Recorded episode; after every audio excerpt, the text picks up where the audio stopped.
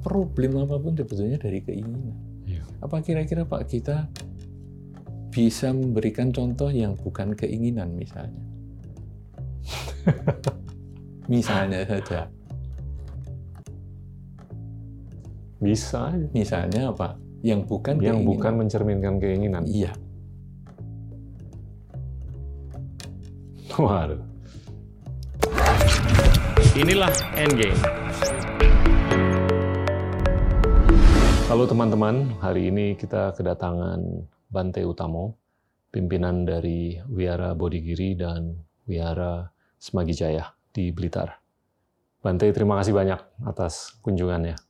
Terima kasih juga Pak Gita atas kesempatan yang diberikan kepada saya. Siap. Seperti biasa, saya tuh ingin bicara dengan narasumber yang bisa memberikan inspirasi. Dan biasanya tuh inspirasi itu bermuara di perjalanan hidup. Dari kecil sampai sekarang dan visi ke depan.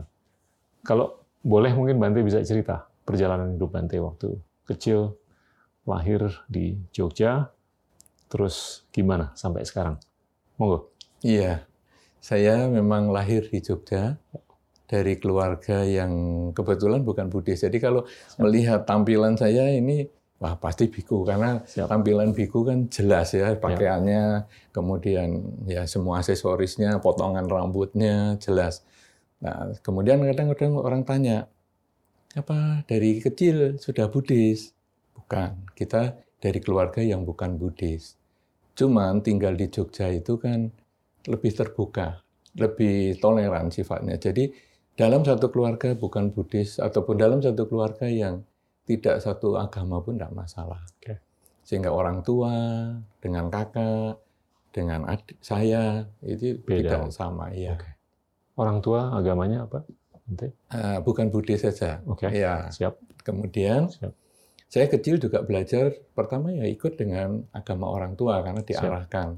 Siap. Kita di sebelah rumah atau ada 100-200 meter lah Hmm. dari rumah kita itu ada tempat ibadah. Kemudian ya kita kalau kecil ikut ibadah di situ.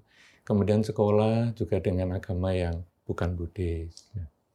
Kemudian pelan-pelan-pelan saya lalu dapat pengalaman di sekolah dulu waktu SD. kadang ibu saya mengatakan kalau pas bangunkan saya itu bangun sekolah biar pinter Hmm? Biar pinter. Mungkin kata-kata itu umum untuk orang lain ya. Ya. cuman saya merasa eh biar pinter. Iya kalau sekolah pinter. Oke. Kemudian ya saya biasa sekolah dan lain-lain. Kemudian di sekolah juga gitu. Guru-guru mengatakan ada pertanyaan ini siapa yang bisa jawab? Eh pinter. Yang tidak bisa jawab ya tentu tidak pinter. Saat itu saya merasa aneh ya kenapa orang harus dibedakan Hmm. dengan pinter dan tidak pinter Hmm. sehingga guru pun punya pandangan kalau Ya. murid yang duduk di depan adalah murid pinter semakin ke belakang berarti murid kurang pinter Hmm. makin belakang sendiri paling tidak pinter Hmm. jadi saya merasa kenapa kita harus seperti itu Ya. nah itu yang membuat saya bertanya dari kecil Hmm. itu yang itu. Kemudian saya mencoba tanya ke guru agama saya kenapa kok manusia ini beda-beda? Hmm. kok dikatakan pinter enggak pinter? Gitu. Kemudian guru agama saya mengatakan ya itu memang tiap orang ya berbeda. Kenapa sebabnya? Ya itu rahasia lah kita. Kita enggak tahu itu kenapa Ya. sebabnya. Saya merasa kenapa jadi rahasia ya? Agama kok ada rahasia. Ya. tapi ya itu saya kecil ya saya masih SD ya saya ya sudahlah jawabnya itu. Saya enggak enggak berpikir sampai seperti dalam tadi. Lalu saya jalani aja. Makin dijalani perbedaan itu makin banyak. Hmm. jadi misalnya kalau sekarang di kantin misalnya atau di tempat makan anak-anak sekolah, Ya. yang kaya cenderung lebih banyak mendapat penghormatan dari teman-temannya, Ya. apalagi yang suka neraktir. Yang tidak kaya menjadi agak dijauhi. Hmm. Dan saya merasa ini ya aneh juga. Dan ketika saya tanyakan juga kenapa ada manusia bisa kaya dan tidak kaya, jawabnya juga ya ini ini memang rahasia sih ya kita tidak tahu ini. Jadi saya merasa banyak hal yang sejenis itu yang rahasia. Nah kemudian saya berproses mencari agama. Bahkan sampai akhirnya belajar agama A, belajar agama B, agama C, bermacam-macam. Dan pertanyaan yang sama ini masih tetap saya munculkan. Tiap kali belajar, kenapa manusia berbeda? Jawabannya kurang lebih, ya kita tidak tahu lah. Ini rahasia. Hmm. Kemudian saya umur kira-kira 20 ya, karena saya mahasiswa hari itu sudahan. Saya mencoba sekarang kalau agama Buddha gimana? Karena ini yang belum saya pelajari dulu. Karena dulu kita punya teman SMA yang Buddhis, tapi dulu bagi saya saya lebih suka membuli dia. Sehingga kadang orang mengatakan ini anti Buddhis, anti Buddhis. Ya saya suka membuli. Oh. Ya, salah, salah satunya misalnya kan kadang di Buddhis itu kan ada kata sadu gitu. Ya.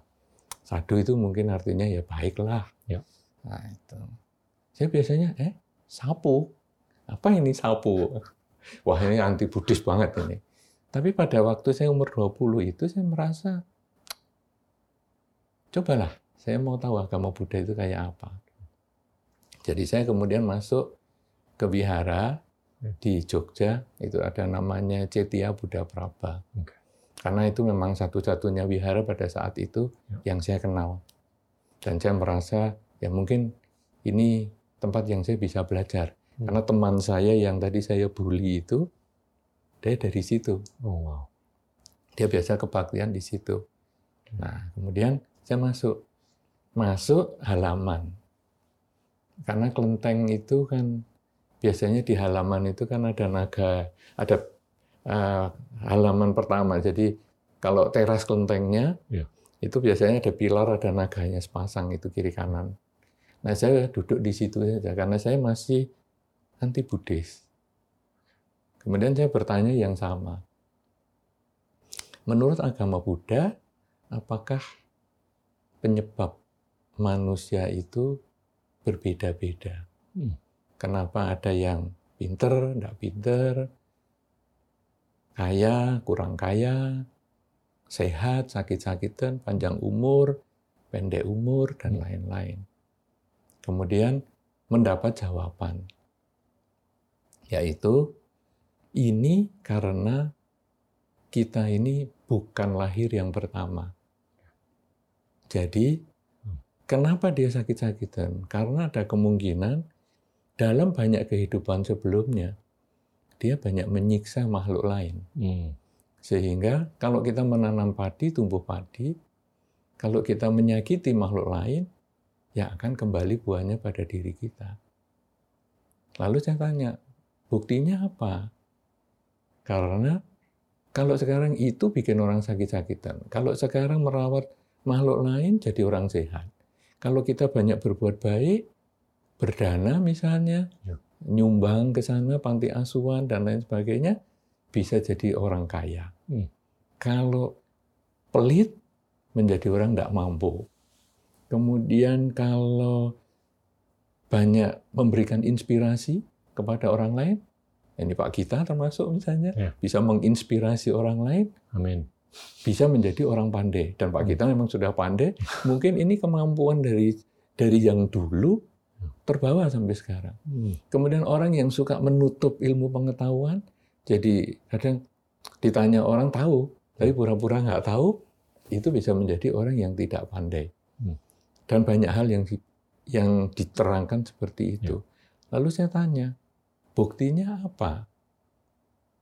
Kemudian orang itu menjelaskan, orang itu adalah salah satu pemuka agamanya di Cetia Buddha Prabha tadi.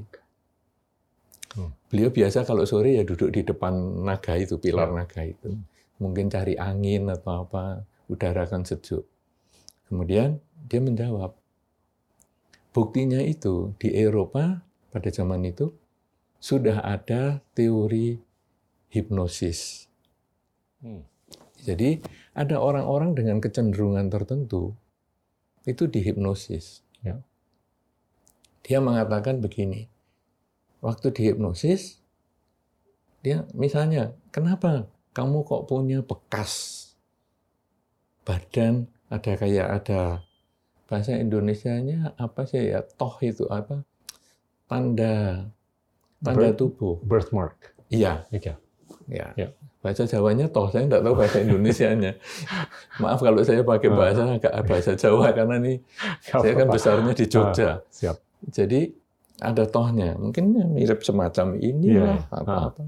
Nah, Tanda lahir. ya tanda lahir. Iya, iya. Kemudian orang itu dihipnosis. Dihipnosis dan dia bisa masuk ke tahap-tahap sampai mengingat kehidupan sebelumnya. Salah satunya misalnya, saya waktu itu di penjara di Jerman. Kemudian penjara saya ini, kalau saya lihat dari jendela, saya bisa melihat ada kayak perempatan jalan. Hmm. Kemudian ada pilarnya. Nah, di jendela itu saya sering lihat di luar. Karena saya kan ya tempat penjara penuh, Ya. ruangannya sempit, ya saya suka lihat di situ. Penjara itu banyak tikus. Dan kadang-kadang kalau saya tidur juga digigit tikus. Hmm. Pada satu ketika, saya digigit tikus sampai infeksi. Dan tempat infeksi itu berhari-hari itu membusuk. Dan sampai akhirnya saya ya mati karena itu. Ingatan yang kuat pada tempat yang luka itu, itu yang akhirnya mengkondisikan dia lahir dengan tanda tubuh itu. Nah, kemudian para ahli yang tadi bisa hipnosis ini Ya. mencari di Jerman apa ada pada zaman itu penjara dengan perempatan jalan dengan ada tiang di tengah jalan itu. Temu. Nah, kemudian dicari di banyak tempat di Jerman, tahu di mana, Ya. yang ada penjara-penjara dulu, penjara perang dan lain sebagainya, dan akhirnya ketemu. Memang itu sudah bukan penjara lagi, perempatan jalan masih tetap, di tugu di tengah itu sudah tidak ada. Jadi akhirnya, oh, ini yang dialami ini benar. Ya. Disimpulkan seperti itu. Hmm. Kemudian ada orang waktu di hipnosis, dia bisa menyanyikan lagu. Dia orang Eropa tapi bisa menyanyikan lagu dengan bahasa Arab Beda. Wow. dengan fasis sekali. Tapi bahasa Arab yang berbeda. Hmm. Kemudian ditanyakan ke, di beberapa ahli, dia mengatakan, oh ini dipakai pada zaman tertentu itu. Hmm. Padahal waktu dia di luar pengaruh hipnosis, dia tidak bisa bahasa itu. Hmm. Dan itu banyak sekali contoh-contoh itu. Ya. Nah, bagi saya, jawaban ini lebih cocok. Hmm. Saya merasa jawaban yang lain bukan salah. Tapi saya merasa lebih cocok. Nah, kemudian ya sudah, saya selama tiga bulan awal itu saya berada di depan untuk diskusi. Baru saya masuk. Masuk Setelah tiga bulan. setelah tiga bulan, kemudian masuk dan mengikuti kegiatan ritualnya. Kalau boleh tanya, intensif nggak diskusinya selama tiga bulan itu? Tiap malam, Konsultasi. tiap hari, tiap malam. Ya. Jadi jam 6 sore sampai jam 12 malam. Wow. Tiap hari. Karena beliau ya memang duduk di depan itu Iya. tiap hari juga. Ya. Jadi kita diskusi terus. Ya. Kemudian kita masuk dan rasanya kok cocok ya. Hmm. Dan mulai saya masuk, lalu saya mulai belajar. Apa ini tadi? Diskusi sudah, sekarang saya coba perpustakaan ini isinya apa buku-bukunya. Karena saya betul-betul awam agama Buddha. Karena pada zaman saya, buku agama Buddha itu sulit Ya, sekali. betul. Jumlah buku juga sedikit sekali. Hampir saya tidak pernah ketemu. Saya hanya ketemu ya kalau di televisi ada mimbar agama Buddha. Iya. Tahun 80 ya? Tahun 80. Nah, jadi akhirnya saya coba buku di perpustakaan wihara ini apa? Ya saya baca dan akhirnya saya merasa ah, cara praktek agama yang paling cocok untuk Buddhis bagi saya, Ya. praktek agama Buddha yang paling cocok bagi saya jadi biku. Hmm. Nah, sehingga tahun 82 saya bertekad saya mau jadi biku. ah.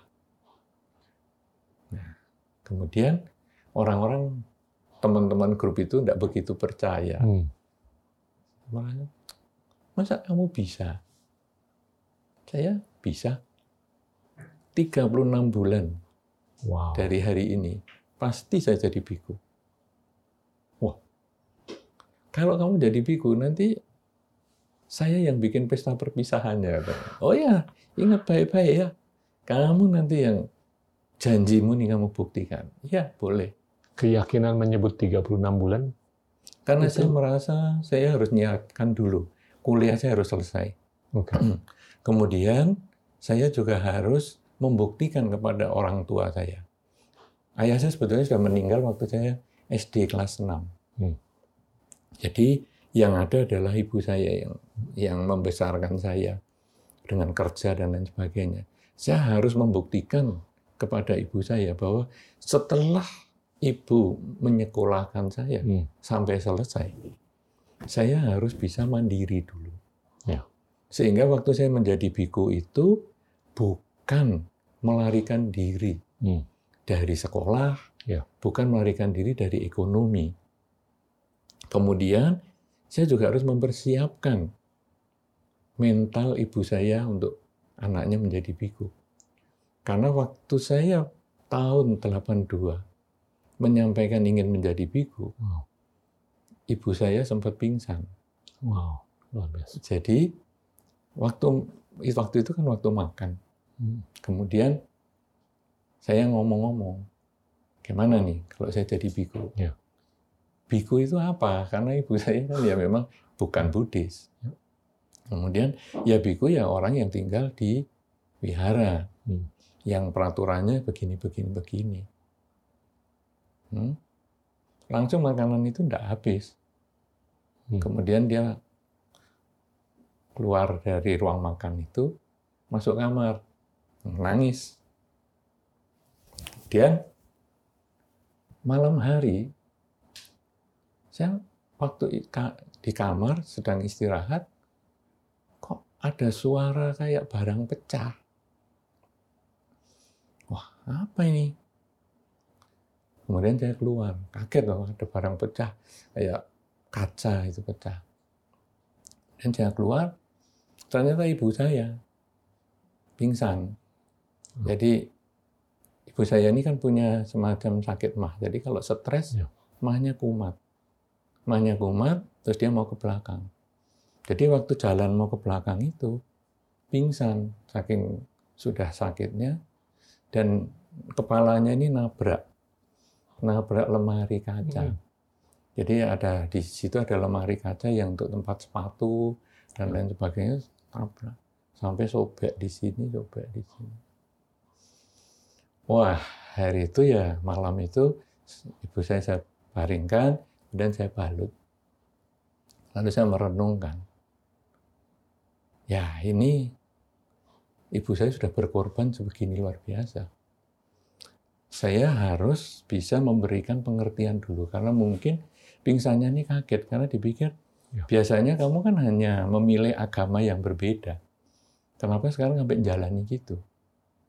Nah, jadi akhirnya setelah dibalut, saya lalu merenungkan bahwa saya butuh waktu untuk menjelaskan ini. Nah, saya perkirakan dengan lulus kuliah, bekerja, menjelaskan ibu saya, mengarahkan ibu saya untuk bergabung dengan kakak saya di kota lain, kira-kira 36 bulan. Nah, akhirnya dalam 36 bulan itu betul-betul ya saya meng- meng- menginput data semaksimal mungkin kepada ibu saya untuk intinya adalah saya ini kan mau jadi orang baik. Ya. Kenapa kamu sedih? kenapa ibu harus sedih ketika anaknya menjadi orang baik? Hmm. Kalau saya jadi orang jahat, mungkin ibu bisa sedih. Saya jadi biku, jadi orang baik. Tapi ya masih sedih terus. Lalu ada satu hal lagi kan kalau mau menjadi biku kan harus ada tanda tangan dari orang tua, Ya. harus izin, resmi. Wow. Wah, ini kan susah kalau kalau berat begini. Lalu saya nyatanya kepada ibu saya, ibu kepengen anaknya bahagia enggak? Iya, saya pengen anaknya bahagia. Sebagai seorang ibu wajar kepengen anaknya bahagia. Hmm. Nah saya ini bahagianya kalau jadi biku. Wow. Akhirnya, ya sudahlah. Ya sudahnya orang tua itu kan sebetulnya Ya. hanya pasrah karena Ya. nggak bisa ngomong yang lain lagi. Ya. Kayaknya ya sudah, ya sudah ya kita buat tanda tangan. Kemudian saya ajukan kepada organisasi, lembaga yang untuk kebikuan, istilah kita adalah Sangga, Sangga Terawada Indonesia, tempat saya sekarang bergabung, ini izinnya sudah ada. Nah kemudian pas 36 bulan, sejak saya bertekad itu, tahun 85, teman saya saya ngomong, ini saya sudah mau perpisahan. Ini saya sudah wisuda. Karena sebetulnya begini, saya bekerja itu sejak saya masih semester 1. Hmm. Ya, jadi jadi saya memang Luar kuliah biasa. di IKIP Sanata Dharma. Kemudian semester 1 gu- kepala sekolah yang dulu saya belajar di Hmm. SMA itu mengajak saya kamu ngajar aja di sini. Wow. Oh ya, boleh. Nah, jadi saya lulus itu saya sudah bekerja sejak semester 1 itu. Nah, jadi akhirnya kemudian ujian, ujian tugas akhir. Ya. Waktu ujian tugas akhir agak lama, pertanyaannya kan macam-macam. Lalu saya mengatakan kepada para tim penguji dosen saya itu, gini ya, sebetulnya saya nanti selesai ujian ini, saya sudah langsung mau menjadi calon biku. Calon biku itu namanya samanera. Ya. Saya mau jadi calon biku. Sehingga kalaupun nanti di wisuda, saya menggunakan jubah loh. Jadi sekarang pertanyaannya sulit-sulit gini. Kalau sampai saya tidak bisa jawab, saya tidak ngapa-ngapa. Ya, karena saya tidak akan mengulang lagi. Iya. Saya pasti jadi biku. Ya akhirnya ya para tim yang menguji itu ya sudahlah lulus. Tapi ya memang lulus sungguhan bukan berarti diluluskan hanya karena ngomongan itu. Iya. Cuman akhirnya tidak dipersulit. Iya. Nah, dan saya terus menjadi calon biku tadi sama Nera. Ya ibu saya juga datang sendiri Luar biasa. dengan menangis. Hmm. Saudara-saudara saya juga datang, walaupun bukan Buddhis, paman saya dan lain-lain. Di keluarga kita tidak ada yang Buddhis. Karena memang keluarga kita kan tinggal di Jogja dan Iya. Jogja ini agama Buddha kan pada zaman itu kan memang Jarang. tidak terlalu banyak. Ya. Sehingga tidak ada yang Buddhis. Saya mereka mau tahu apa Ya. yang mem- membuat saya kok jadi tertarik itu. Nah, jadi mereka datang ikut upacara dan saya menjadi calon biku. Hmm. Nah, kemudian waktu sudah menggunakan jubah tahun 85 itu saya ikut wisuda. Wisuda di IKIP Sanata Dharma nggak tahu masih ada fotonya. Kalau saya sih masih ada fotonya, tapi Ah. apakah Sanata Dharma menyimpan saya nggak tahu karena sampai hari ini belum pernah ada yang menggunakan jubah kebikuan menjadi um, di wisuda di sana. Pasti ada. Ya hanya satu-satunya. Kalau Kalau ya, nonton show ini nanti. kalau jubah tepasturan karena Sanata Dharma kan sekolah Katolik Iya, iya. pasti pasti ada. Ya, nah, kemudian saya jadi samanira. Kalau Kalau- saya boleh tanya, ibu reaksinya gimana sewaktu tante di Seorang ibu menangis, cuma menangis. Ibu saya menangis. tapi sudah plong menerima Hmm, ya saya kan terus membuktikan. sebelumnya. Saya menjadi biku itu, saya menjadi orang baik. Ya. Kemudian saya ya sering datang ke rumah supaya jangan sampai merasa kehilangan anak. Karena dikiranya kalau udah jadi biku ini sudah tidak boleh pulang ke rumah sama sekali. Ya saya berkunjung. Berkunjung, kemudian ya beliau ngobrol-ngobrol dengan beliau. Ya masih waktu pertama ketemu ya banyak nangis. Iya. Satu tahun, dua tahun pertama ya nangis.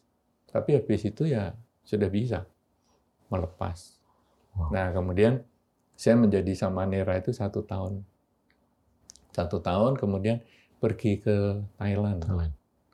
Untuk Nah, ini menarik nih. Ya, untuk mem- memperoleh penabisan sebagai biku. Iya. Karena pada waktu itu di Indonesia belum punya fasilitas.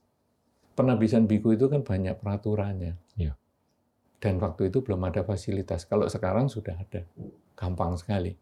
Saya adalah termasuk ya angkatan-angkatan paling belakang untuk penabisan di luar negeri. Di bawah-bawah saya sudah kebanyakan tabis di Indonesia. Hmm.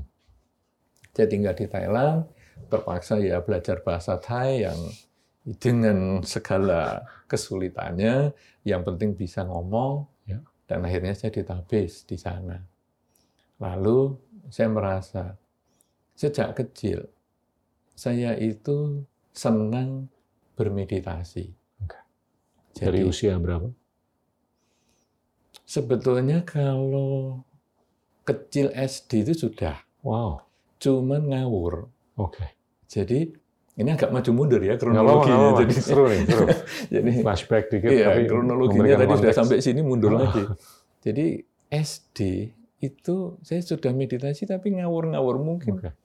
karena kondisi di Jogja juga ada istilah semedi dan lain-lain. Kemudian juga mungkin film-film yang saya tonton masih ngawur. Jadi kita punya satu kebun di rumah itu. Kadang kalau pas santai saya ke belakang rumah ya duduk ngawur lah di bawah pohon jambu situ. Nggak tahu itu apa yang dilakukan, pokoknya bisa sampai lama. Kemudian di SMP saya punya guru. Guru dulu namanya guru PMP. Oke. Pendidikan Moral Pancasila. Ya. Guru saya ini unik. Dia kalau ngajar, dia bukan ngajar PMP-nya itu sesuai kurikulum. Dia ceritanya meditasi. Wow. Jadi teman-teman semua nggak suka, saya Bante suka. suka. Iya. Ini, ini yang luar biasa saya Iya. cari. Sehingga dalam waktu-waktu tertentu, kadang-kadang saya naik sepeda, dia rumahnya jauh sekali. Kalau dari rumah saya, dia rumahnya jauh. Jadi kalau Pak kita pernah ke Jogja. Ayah saya itu dari Jogja. Oh, Jadi Luar biasa. waktu kecil sering sekali. nah, rumah saya itu di daerah Pasar Keranggan. Tugu. Kalau yang orang Ya. Tugu kan paling gampang itu ya. Itu rumah guru saya PMP itu Ambarukmo, Hotel Ambarukmo. Jalan Solo terus saja. Itu Ya. jauh. Dan saya cuma naik sepeda dan saya anak SMP. Bukan bukan orang yang sudah dewasa. Kalau hari ini ya cepatlah ke sana. Iya. Hari itu jauh sekali, itu luar kota. Ya. Saya naik sepeda. Berguru ke guru itu. Wow. Spesial, tanya, meditasi apa, seneng. Nah itu mulai saya suka. Suka meditasi yang ada jalurnya, kemudian juga buku-buku, mulai banyak belajar, buku-buku dan lain sebagainya di situ itu. Jadi itu luar biasa guru saya itu menginspirasi banyak dan saya kan SMP yang masih masa masa-masa perkembangan loh Bandel. ya perkembangan jadi itu sedang tumbuh dapat inspirasi seperti itu rasanya senang sekali Iya, iya. ini ada jalur nih Iya. nah jadi akhirnya saya belajar meditasi di situ Oke. sehingga pada waktu menjadi biku Siap. itu kalau mau mundur sedikit sebelumnya di wihara yang saya dia belajar wihara Cetia Buddha Prabha tadi itu ada satu biku yang sangat tua Hmm. umurnya hari Betul. itu saya ketemu 112 tahun Iya. tua sekali sudah sampai tubuhnya melengkung sekali dan beliau juga senang meditasi sehingga tiap sore saya ke wihara itu bertanya saya kepada beliau, gimana caranya? Jadi mengasah ilmu yang tadi dari SMP itu kepada beliau yang umurnya 112 tahun. Orang 112 tahun hari itu, itu pengalamannya kan luar biasa. Wow. Dan beliau ini ada pikun, ingat, pikun, ingat. Kalau pikun ditanya namanya aja nggak ingat. Tapi karena saya tiap hari ke situ, kadang mijit, kadang apa, sambil tanya-tanya. Ada satu masa kalau dia ingat ya luar biasa. Nah, dia menjelaskan teknik-teknik meditasi yang saya nggak pernah tahu dari mana pun juga. Dari penjelasan orang, dari buku, dari mana, nggak tahu. Itu orang 112 tahun. Bagi saya itu harta karun luar biasa. Seperti mungkin kalau orang menemukan buku antik sekali iya. itu. Wah, itu yang sering saya tanya. Nah, sehingga pendalaman meditasi itu cukup menarik bagi saya. Pada waktu menjadi biku, saya pun juga merasa di Thailand ini kan tempat juga orang berlatih meditasi. Ya. Saya tanya kepada para senior, kira-kira latihannya di mana ya? Oh, latihannya di sana. Ada satu guru ditunjukkan. Namanya Lung Putit. Itu. Itu tempat tinggalnya di perbatasan Thailand dengan Laos. Jadi di desa sekali. Dan saya pergi ke sana naik bis itu dari Bangkok satu malam. Ya. Dan wiharanya memang betul. Di wihara kita ini, kemudian paling ujung wihara adalah Sungai Mekong. Ya. Di seberang Laos. sudah Laos. Okay. Jadi betul-betul paling ujung. Dan di situ saya banyak belajar meditasi karena tiap malam kadang saya dipanggil untuk mijit juga guru. Jadi sambil mijit, sambil ngomong. Karena bahasa Thailand saya terbatas, kebetulan ada teman biku yang bisa bahasa Inggris, ya saya coba tanya, tolong ditanyakan kepada beliau. Yang beliau bisa jawab, saya ngerti, ya sudah, yang tidak ngerti saya tanya ke teman saya. Dan itu juga banyak pengalaman meditasi yang saya sharingkan kepada beliau. Sempat di tengah hutan. Iya, itu di dalam hutan. Jadi wow. biara kita memang di, di hutan di pinggir negara Thailand di utara, Thailand utara. Karena memang kalau kita lihat di Thailand, biku-biku yang dari utara ini kebanyakan memang biku-biku meditasi semua. Kan biku ini sebetulnya ada dua. Biku yang memang mendalami meditasi, biku yang mengajar. Oke. Okay. Gitu. Nah, kalau kalau saya lebih senang yang meditasi karena itu belajar sudah ya kita belajar ya ada tapi tidak banyak. Karena bagi saya meditasi ini sebetulnya adalah mengenal diri sendiri. Dengan kita mengenal diri sendiri, kita bisa memahami orang lain. Karena orang lain kan seperti kita juga. Apa yang kita inginkan, kita ingin bahagia, orang lain yang ingin bahagia. Ya. Kita menghindari penderitaan, orang lain juga menghindari penderitaan. Ya. Nah, sehingga kalau saya tidak ingin disakiti, ya saya jangan menyakiti orang lain. Ya. Kalau saya ingin dibahagiakan, ya mari kita membahagiakan orang lain. Hmm. Nah, itu prinsip meditasi kan itu. Cuman ini dilatih supaya menjadi terampil. Karena kalau meditasi itu kan prinsipnya sebetulnya melatih keterampilan berpikir. Banyak orang mengatakan, wah meditasi ini mesti ada ritualnya. Tidak. Karena ini latihan berpikir. Kan seperti misalnya, bagaimana membaca cepat. Itu kan juga latihan. Iya. Mau membaca cepat, pertama scanningnya bagaimana, bagaimana. Hmm. Kan semakin dilatih, semakin kita memahami. Meditasi juga gitu. Semakin lama kita melatih, semakin kita bisa mengerti, oh jalan pikiran saya ini begini toh. Emosi saya naik turun ini seperti ini. Emosi ini ternyata hanya timbul tenggelam. Jadi kadang-kadang ketika emosi ini sedang naik, kadang kita meledakkan. Ya. Padahal sebetulnya kita tunggu, dia turun. Sama dengan kalau kita sedang meditasi, kepingin batuk, hmm. atau kepingin bersin. Hmm. Kita coba tahan Hmm. Bisa. Tahan sebentar aja. Tahan nafas misalnya, 5 detik misalnya. Tahu-tahu nanti emosi atau rangsangan batuk atau bersin itu turun. Ya. Terus nanti nafas kita keluarkan pelan-pelan, sudah tidak kepingin batuk dan bersin lagi. Nah ternyata semua pikiran juga begitu. Ya. Tahan sebentar, dan nanti turun. Nah, kemudian emosi, mau marah misalnya, tahan sebentar, turun. Makanya orang dulu mengatakan, kalau kita mau marah, coba berkaca. Pakai cermin. Nanti kan marahnya lenyap. Tapi betul kan? Betul Karena pada saat kita Ya. marah, terus kita mau nyari cermin, Ya. otomatis kan kita menyadari kemarahan kita. Betul. Sehingga waktu cermin dipegang saja emosi sudah turun. Iya. Kalaupun masih marah, lihat mukanya yang jelek itu, akhirnya ya sudah tidak ada marah lagi. Nah itu ternyata ya seperti itu. Nah menjadi biku yang bermeditasi itu membiasakan. Iya. Supaya kita lebih bisa mengendalikan diri. Karena saya merasa itu yang cocok. Praktek agama Buddha bagi saya yang cocok menjadi biku. Biku yang cocok bagi saya adalah jalani meditasi. Jadi kecocokan ini tidak tentu sama untuk orang lain. Ada umat Buddha yang saya nggak cocok jadi biku, silakan. Berarti dia cocoknya jadi pengusaha, boleh. Ya.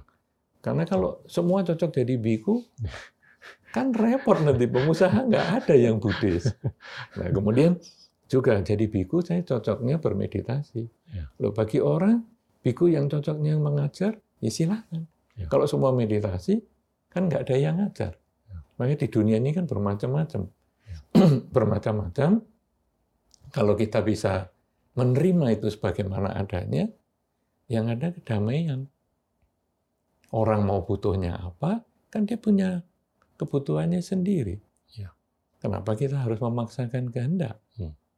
Saya harus jadi biku. Umat Buddha yang lain harus jadi biku. Nggak usah. Hmm. Biarin aja kecocokan. Biku harus tinggal meditasi. Dia nggak kepingin meditasi. Untuk apa kita paksa? Kayaknya kamu jalani dengan nyaman. Ya. Kita berhubungan juga nyaman gitu ya, dengan siapa pun juga. Satu dari banyak hal yang saya belajar dari meditasi itu adalah gimana kita bisa menerima bahwa segalanya itu nggak kekal, ya kan? Dan itu kalau menurut saya itu nolong banget untuk siapa pun lah, bukan saya aja, Ya. kan?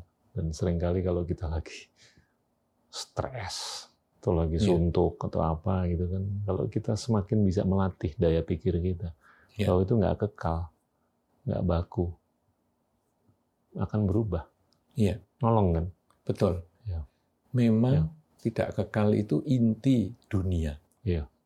Jadi orang tahu dari kecil bahwa hidup itu tidak kekal. Ya. Karena dia juga lihat orang tuanya dari rambut putih menjadi beruban. Kakek neneknya dari gesit menjadi lemah. Ya. Siang jadi malam. Pagi jadi petang. Tahu semua. Dia pelihara binatang bisa mati. Tahu semua. Hmm. Tapi tahunya itu untuk pihak lain. Jadi tidak kekal itu cocoknya untuk orang lain. Ya. Sulit untuk memahami cocoknya itu untuk diri sendiri. Hmm. Misalnya sekarang ya, kita baca buku apa saja kan nanti kalau yang tentang filosofi hidup ini Ya. kan tidak kekal.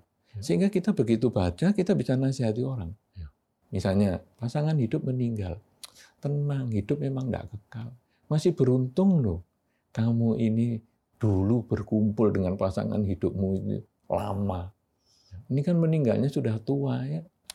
Untunglah, kamu harus bersyukur. Mudah. Orang kehilangan uang, sudahlah hidup memang nggak kekal. Ya, jadi kamu masih beruntung lah, kamu masih bisa hidup walaupun uangnya hilang. Sangat mudah.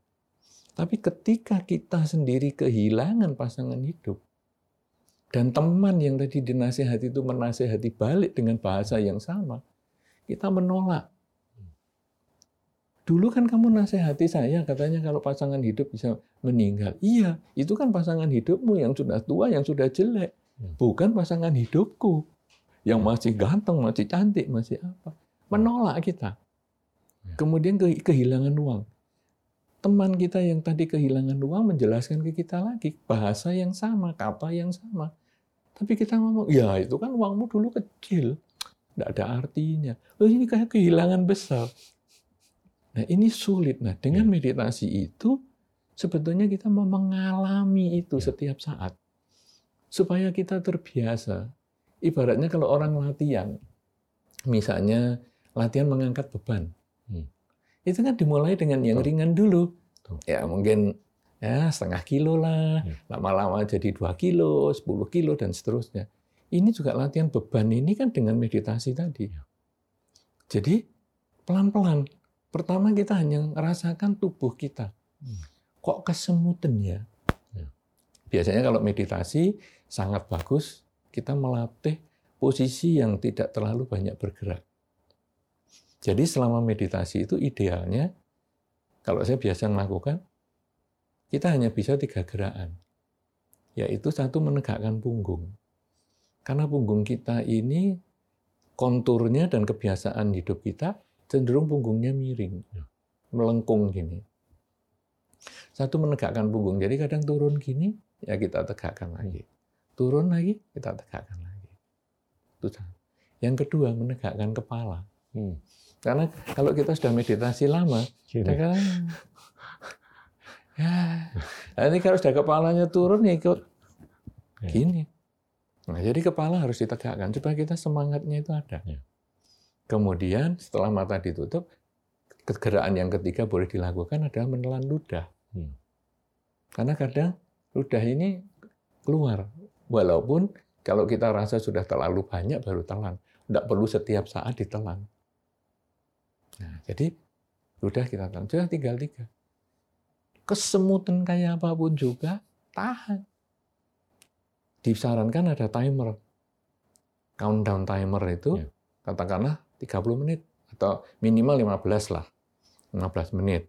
Kalau mau ideal sebetulnya 30.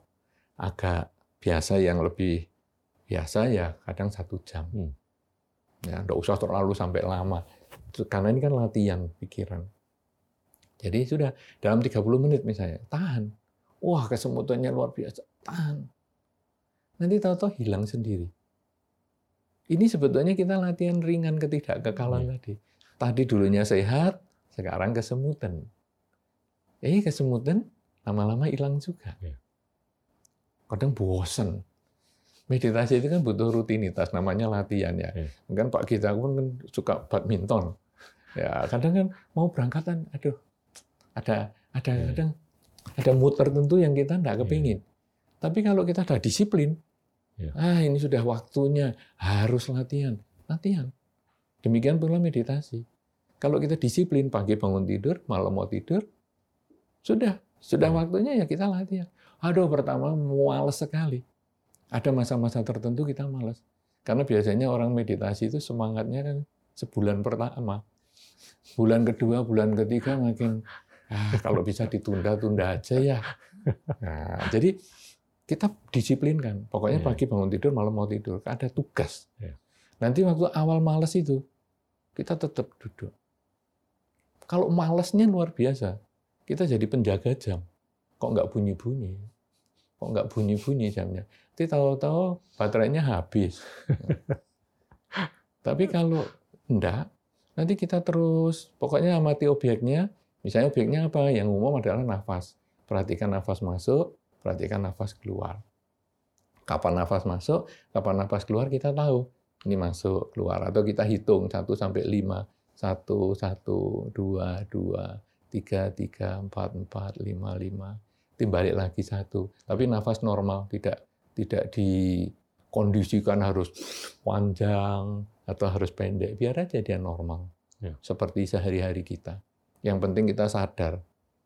Nah, nanti kalau kita sudah amati gini terus, nah, sudah timernya bunyi. Nah, lalu kita buka mata. Eh, tadi kan saya mulai dengan agak bosen nih. Ternyata kok enggak ya. Nah, lalu kita lihat, oh hidup ini enggak kekal ternyata. Iya, Dan itu dalam berbagai segi. Sampai akhirnya nanti satu ketika kita misalnya janjian ke dokter misalnya. Dokter janji jam segini. Kok saya belum bisa ketemu ini sudah terlambat sekian lama. Tidak apa-apa lah hidup tidak kekal. Anggap aja saya punya kesempatan latihan memperhatikan nafas lebih lama. Tapi saya emosi nih. Emosi saya juga masih perhatikan. Hmm. Karena emosi ini juga bagian dari objek meditasi. Ternyata emosi saya yang tadi bosen bisa jadi semangat. Sekarang saya jengkel nunggu dokter kok nggak nggak manggil-manggil nama saya. Sekarang akhirnya saya juga bisa amati. Dan begitu ketemu dokternya, ya kita tetap senyum. Enggak, dokter ini gimana? Jadi dokter tidak tepat. Kalau waktu saja tidak tepat, nanti ngasih resep nggak tepat juga ini. Sehari tiga kali kamu isi sehari lima kali. Nah, akhirnya kita tidak emosi seperti itu. Iya. Kita biasa-biasa. Nah ini kalau sudah enak tuh, itu tidak kekal menjadi milik. Kita Iya. jadi tahu. Ketika tubuh kita jadi makin tua, tubuh kita makin hilang hilang kemampuannya, telinga makin Iya. hilang kemampuan, pandangan mata, daya pikir. Kita menyadari itu semua Iya. dan bisa nerima itu sebagai kenyataan. Itu yang kita latih sebetulnya dalam meditasi. Betul. Wah ini menarik. Saya boleh tarik ke sejarah sedikit Ya. sebelum kita maju ke depan Ya, ya. berdasarkan topik ini. Kalau kita lihat Indonesia dan Asia Tenggara ini kan kaya sekali dengan apa ya harmoni, moderasi, toleransi, kesatuan dan segalanya. Walaupun kita tuh udah dilewati beberapa era atau masa. Kalau kita lihat zaman Sriwijaya, itu kan Buddha selama 400 tahunan lah. Setelah itu Majapahit, Hindu selama 600 tahunan. Setelah itu Islam, kolonialisme, kemerdekaan, demokrasi, 700-an tahun lah. Ini kan kawasan Asia Tenggara ini sebetulnya sangat kaya sekali kan dari sisi kesatuan dan persatuan. Iya. Walaupun beberapa keyakinan, percayaan, agama itu udah melintas. Ini kan luar biasa. Iya. Dan banyak orang Indonesia tuh nggak menyadari bahwa dulu tuh waktu zaman kejayaannya Sriwijaya menjadi acuan Ya. untuk skolar atau akademisi atau siapa pun lah yang mau belajar mengenai agama Buddha, nggak yang dari Tiongkok, nggak dari mana pun di Asia. Mungkin bisa cerita sedikit, Bante, gimana dulu tuh? Jadi memang kalau kita ngomong dulu, kita hanya berdasarkan buku. Karena Iya. kan saya waktu itu, apakah saya ngalami sungguhan enggak, hari itu saya tidak ingat. Iya, Ya, kalau kita basisnya kehidupan sebelumnya, apakah saya sekarang menjadi Buddhis ini karena dulu saya pernah zaman Sriwijaya, saya nggak jelas. Tapi memang Hmm. budaya kita ini sebetulnya budaya persatuan. Bahkan Asia Tenggara ini memang seperti itu. Hmm. Atau mungkin malah kita perbesar menjadi Asia. Ya. Budaya Asia ini budaya yang penuh perhatian. Hmm. Satu contoh saja. Kalau sekarang sampai hari ini, di Indonesia menjadi tradisi menanyakan orang yang tidak ada. Jadi misalnya, kalau Pak Gita datang sendirian ke satu pertemuan, kadang-kadang ada orang bertanya, Ibu ke mana Pak? Kok nggak diajak? Saya yang datang. Ya ibunya kok nggak diajak? Menanyakan yang nggak ada. Ya. Nah, sekarang Bapak sama Ibu datang. Loh, keluarga kok nggak diajak semua? Menanyakan yang nggak ada. Hmm. Artinya apa? Bahwa kita ini punya kepedulian. Iya. Jadi kalau orang, kalau di negara-negara barat, nggak ada itu. Hmm. Dia nggak akan pernah tanya. Dianggap, "Loh, saya datang sendiri, kamu jangan ngurusi yang bukan urusanmu. Ya. Tapi kalau di Indonesia atau di Asia ini, biasa pertanyaan Hmm. itu. Dan kita hidup seperti itu. Sehingga kalau saya membayangkan, hari ini saja masih tersisa seperti itu. Ya. Kemudian kalau kita tarik lebih awal lagi, zaman saya kecil, dan sekarang masih ada sedikit, di depan rumah itu ada kendi berisi air. Apakah Pak kita pernah lihat itu? Di depan rumah tiap banyak orang, itu ada kendi berisi air, Hmm. air minum. Untuk orang. Nah, orang liwat yang kehausan, Hmm. silakan minum. Dan itu di beberapa tempat saya masih melihat ada hari ini. Wow. zaman itu zaman saya kecil masih banyak sekali. Dan itu tidak isinya nanti obat untuk pencahar atau apa tidak. Itu betul-betul air sumur dimasukkan guci, uh, kendi. Ya. Itu kan sejuk sekali. Ya. Itu kan menunjukkan siapa pun kamu, Ya. agama apa pun kamu, Peduli. dari mana pun kamu, Hmm. saya menyediakan air ini. Silahkan diminum. Hmm. Ini kan luar biasa sekali. Sehingga kalau kita tarik ke zaman itu, budaya ke, kepersatuan ini pasti luar biasa sekali. Karena kalau tidak ada persatuan, tidak mungkin ada kekuatan segitu besar. Ya.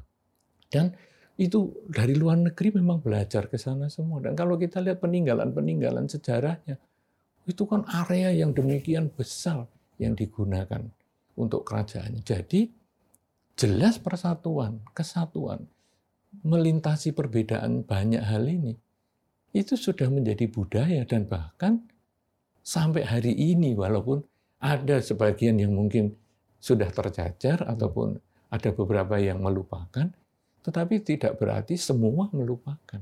Iya. Jadi sekarang kalau kita lihat zaman itu betul orang belajar sana. Kenapa? Karena dia mau melihat Indonesia ini kok luar biasa sekali. Zaman Sriwijaya ini kok luar biasa sekali. Bisa mendirikan sebegini hebat Ya. candi-candi dan lain sebagainya. Ini mesti luar biasa sekali. Ya. Ya, nah, jadi kalau saya melihat hari itu, kita memang sekarang ini masih harus banyak belajar. Ya. Walaupun dalam skala kecil seperti tadi sudah ada. Ya, persatuan mengatasi perbedaan. Kenapa kok bisa menjadi kekuatan? Hmm. Seperti jari kita ini. Jari kita ini ada lima. Masing-masing bentuknya berbeda. Hmm. Fungsinya berbeda. Tapi tidak bisa saling menyombongkan. Ya. Ibu jari, wah ini semua ini mengesahkan semua. Lalu dia sombong, lalu dia hanya ada ibu jari saja. Kalau orang hanya punya ibu jari saja, ya memang dia mau masuk ke ruangan yang ada Ya. pemindainya sidik jari, memang bisa. Tapi untuk makan susah. Ngetik juga susah. Oh, kalau ngetik HP masih bisa, masih bisa walaupun meleset ke sebelahnya. Hmm. Tapi ini masih bisa. Iya. Tapi dia tidak bisa menghina jari-jari yang lain. Iya. Karena jari-jari yang lain ini dia punya fungsi yang berbeda-beda. Dan begitu satu jari ini hilang, kita juga jadi kesulitan. Iya.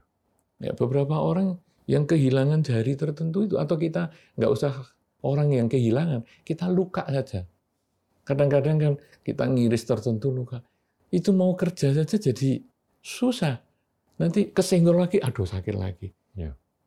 Nah, artinya apa? Bahwa perbedaan ini jangan menjadikan permusuhan. Ya. Perbedaan ini justru menjadi satu kekuatan. Hmm.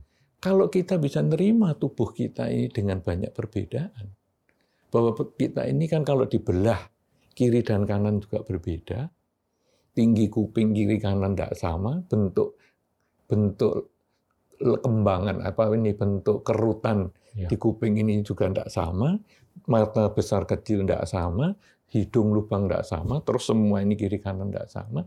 Kita bisa melihat tangan kiri kanan juga bentuknya tidak sama, kebalikan, kaki juga begitu.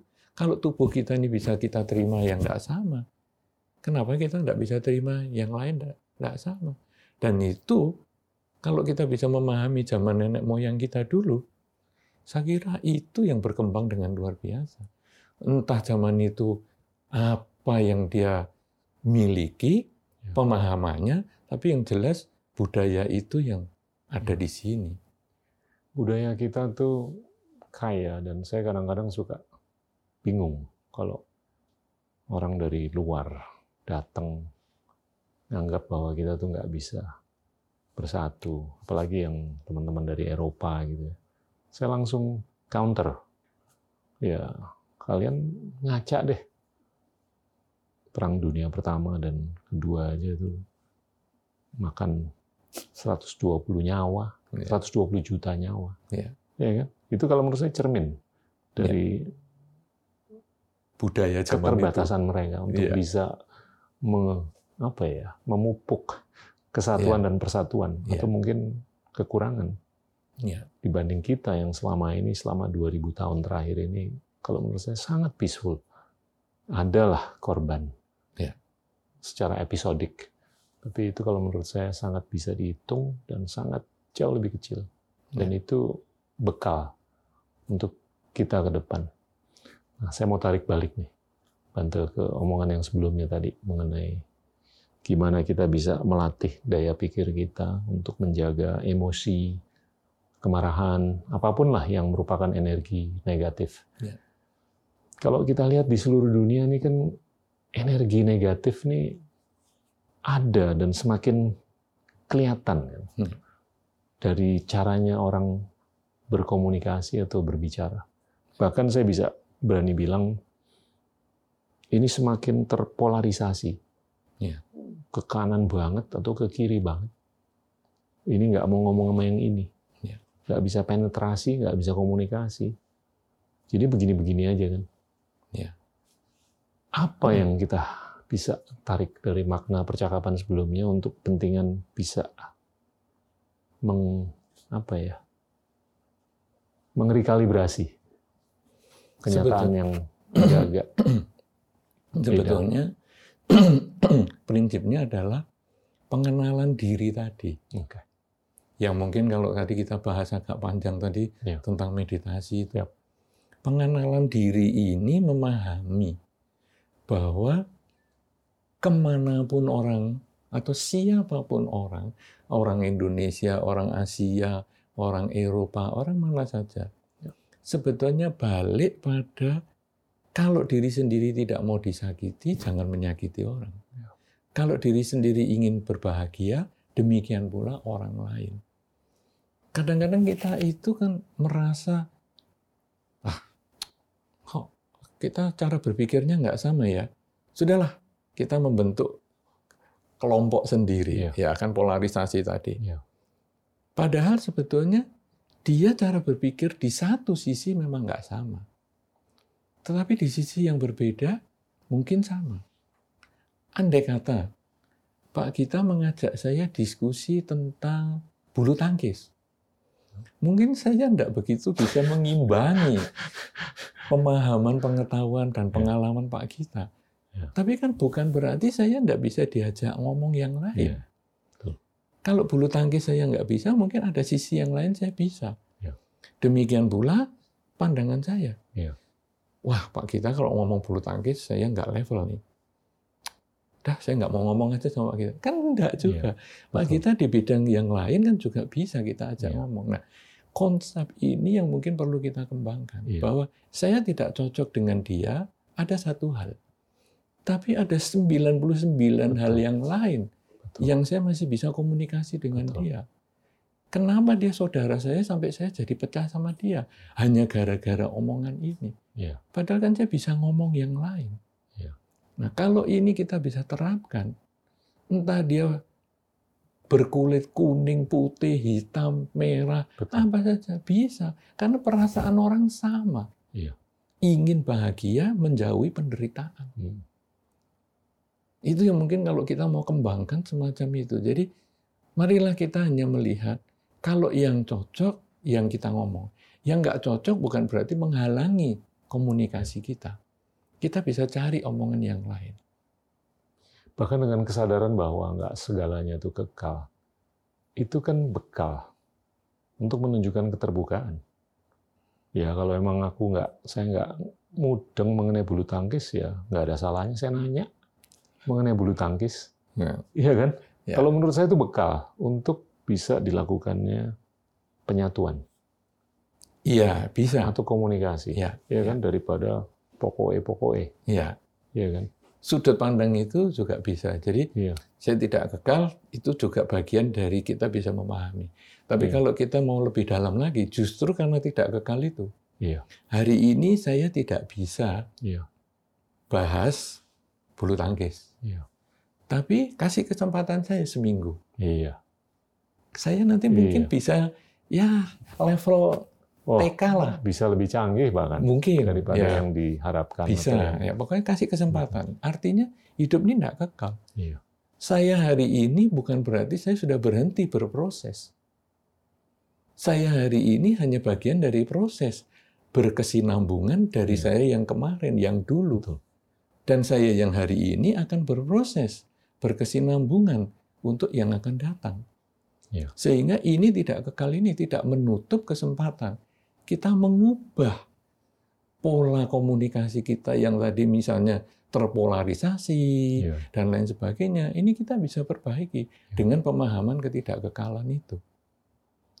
Saya sempat berhipotesa akhir-akhir ini bahwa secara nggak langsung ini berkorelasi dengan pemberdayaan teknologi, teknologi maya. Ya. Saya mau tanya pandangannya Bante gimana? Polarisasi percakapan ini ada nggak sih korelasinya dengan pemberdayaan teknologi? Iya, teknologi itu netral. Iya. Semua di dunia ini netral. Iya. Tergantung orangnya. Oke. Mentalitas, moralitas orangnya. Iya. Pisau bisa untuk membunuh, bisa untuk motong roti. Teknologi juga sama. Teknologi kalau kita manfaatkan untuk kemajuan kualitas hidup manusia Iya. juga luar biasa. Demikian pula teknologi juga bisa bisa disalahgunakan. Hmm. Misalnya sekarang media sosial. Ya. Media sosial untuk kita mengisi hal-hal yang positif bisa. Kan banyak sekali tuh sharing-sharing tentang pelajaran-pelajaran yang bagus-bagus, Ya. informasi yang bagus-bagus kan banyak. Hmm. Tapi kita juga bisa media sosial ini untuk kita isi dengan hoax. Nah, media sosialnya tidak salah. Dia tidak perlu ditutup. Tapi manusianya yang perlu dibina mentalnya. Ya. Kalau sekarang ada bahasa Jawanya arit. Arit bahasa Indonesianya arit itu Oh, dia- untuk motong rumput? Untuk Oh rumput. ya, siap. Hmm. Maaf lagi Ya, bahasa apa-apa. Indonesianya Itu bahasa Indonesia juga. bahasa Jawa aja. Jadi biasa ini kan potong rumput gini, sabit, sabit. Sabit. Ah, ya. sabit. Jadi potong rumput terus disabit gini. Ya. Sabit ini tadi untuk potong rumput. Sekarang untuk bunuh orang, kan sabitnya tidak perlu dilarang. Ya. Pembuat pengrajin sabit ini kan kasihan dia di desa-desa itu. Nah, yang diberdayakan adalah manusia pengguna sabit ini. Jangan menyalahgunakan. Hmm. Nah, sekarang media sosial, kita tidak perlu melarang media sosial. Tapi yang diberdayakan manusianya, moralitas manusia. Yang kita bangkitkan itu moralitas. Salah satu upaya membangkitkan moralitas adalah menekankan rasa malu dan takut. Ya. Jadi, malu gimana?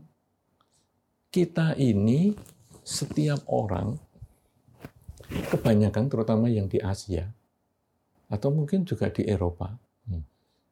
setiap orang itu berkaitan namanya dengan orang tua kita. Ya. Jadi or- orang tua kita ah, kalau dibule karena ada Jacobson, nah ini berarti anaknya si Jacob nih. Ya.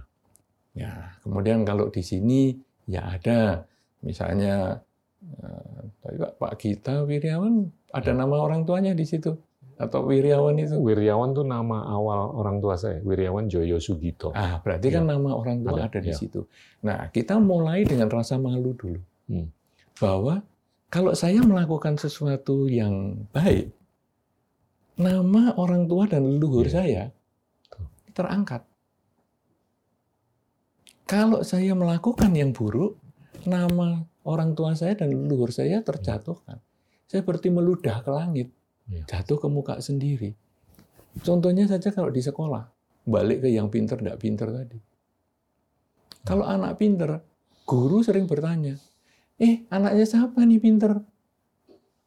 Lo pinter bodoh, anaknya siapa yang ditanya? Iya. Nakal, anaknya siapa nih nakal? Berarti kan terbawa. Iya. Hmm. Nah sekarang kita bisa bangkitkan pemahaman itu. Baik di Eropa, di Indonesia, kita bangkitkan.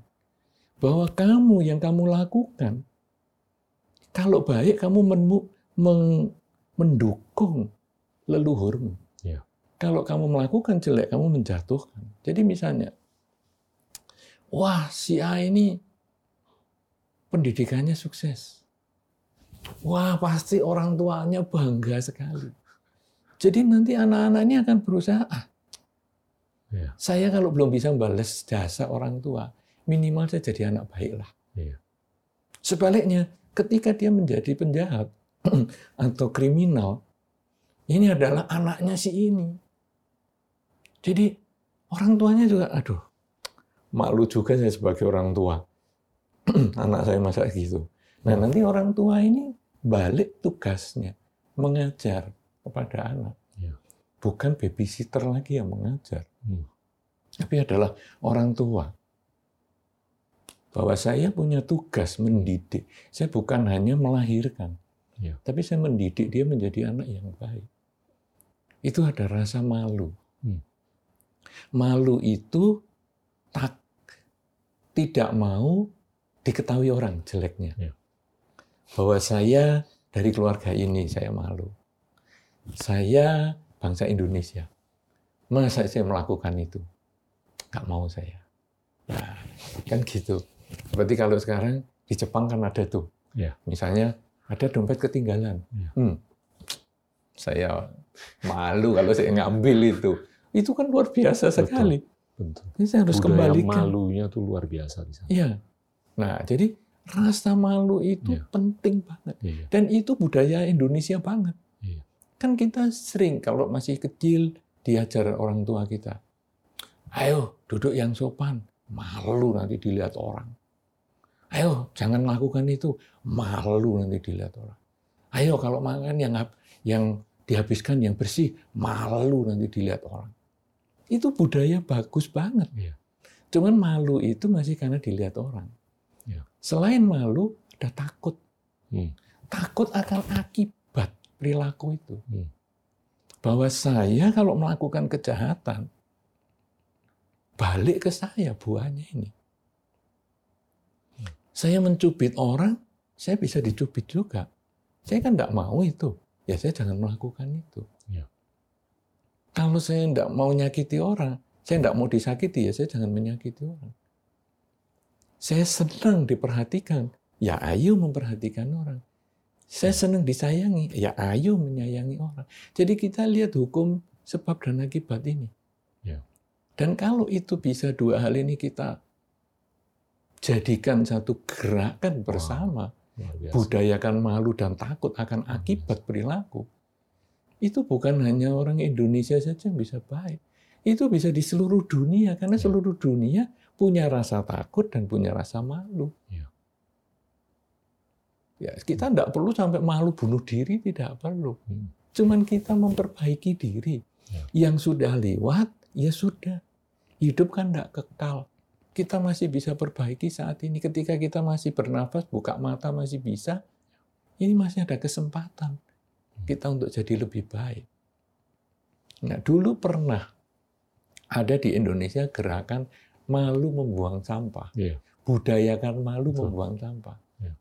Tapi belum sampai mendalam sudah gaungnya hilang. Iya. Malu tidak pakai helm. Tapi budayanya sudah mulai hilang. Iya. Padahal helm itu selain malu tidak pakai helm, takutlah. Kalau kamu tidak pakai helm ini takutlah akan akibat. Karena begitu helmnya dilepas, ada masalah, langsung kepala yang kena. Ya. Dan itu bukan kepalanya orang lain, kepalanya kita yang melakukan sendiri. Itu kalau saya lihat dalam konteks pembuangan sampah. Pembuangan sampah per hari di dunia itu kurang lebih lima setengah juta ton. Indonesia itu kontribusinya 3 sampai 4 persen.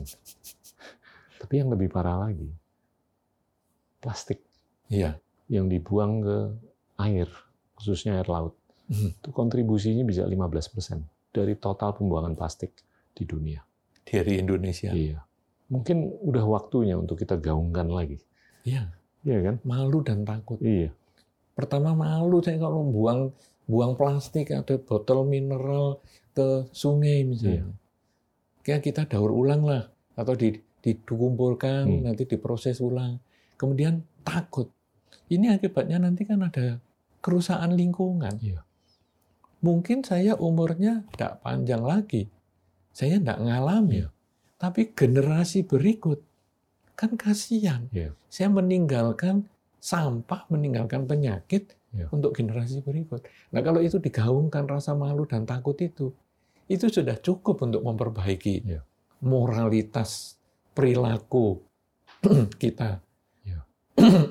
Tapi kadang saya mengatakan bahwa kalau kita mau berubah, kita pribadi berubah di dunia ini, bertambah satu orang baiknya, yaitu kita. Ya. Di dunia ini berkurang satu orang jeleknya, yaitu kita. Tapi karena hidup ini kita saling berhubungan dengan yang lain, maka akhirnya kita bisa menjadi contoh untuk keluarga. Keluarga kita punya budaya malu, punya budaya takut akan Ya. akibat perilaku yang tidak baik. Hmm. Dan akhirnya di dunia ini ada satu keluarga yang baik dan di dunia ini berkurang satu keluarga yang tidak baik. Ya. Kalau keluarga ini sudah bisa menjadi satu contoh, mungkin keluarga-keluarga di sekitar kita tinggal bisa ngikut. Ya. Sehingga ada satu masyarakat yang punya budaya malu dan takut. Ya. Dan di dunia ini berkurang satu masyarakat yang yang tidak baik perlakuannya. Ya. Kemudian kalau masyarakat ini ditiru oleh kelompok-kelompok masyarakat yang lain, Hmm. maka jadilah bangsa. Hmm. Jadilah satu bangsa Indonesia yang punya budaya malu dan budaya takut. Iya. Dan di dunia ini bertambah satu bangsa yang punya budaya malu dan takut. Wow. Kalau bangsa Indonesia ini menjadi ban- bangsa percontohan, Wow. maka nanti di dunia ini Hmm. menjadi masyarakat dunia yang punya budaya malu dan takut. Dan saat itu perdamaian dunia akan tercapai. Iya. Bukan hanya perdamaian lokal, bukan hanya perdamaian keluarga, bukan hanya perdamaian diri sendiri. Dari diri kita bisa keluar. Karena kadang-kadang ketika kita ini mau melakukan sesuatu, kita nunggu orang lain. Hmm. Kadang gimana ya, kita ini kok sekarang tinggal di sini, bagaimana gini-gini. Ya ini loh, sistem kita ini yang salah. Mestinya sistem gini.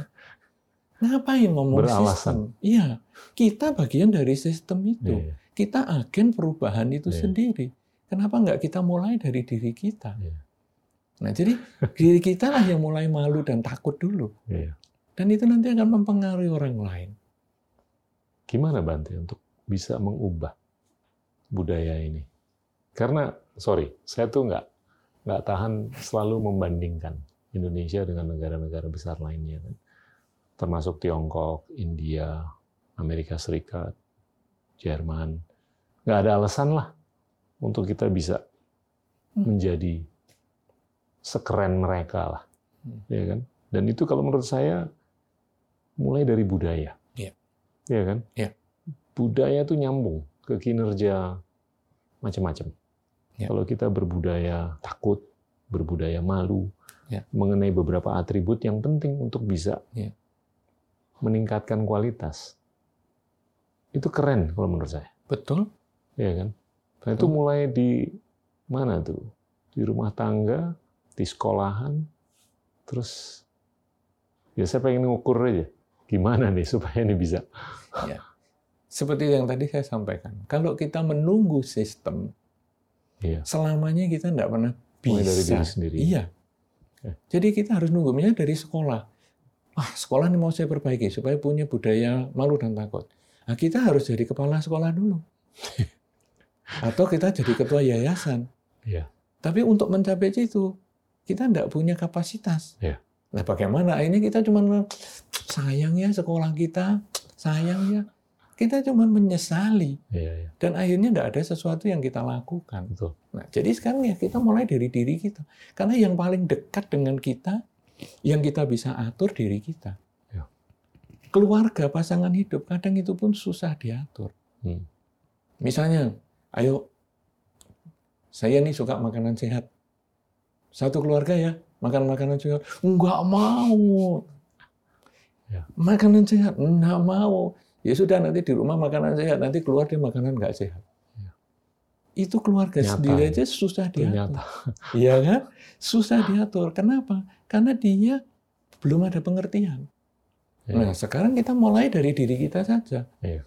Saya yang sudah ada pengertian, saya yang sudah siap, ayo saya mulai.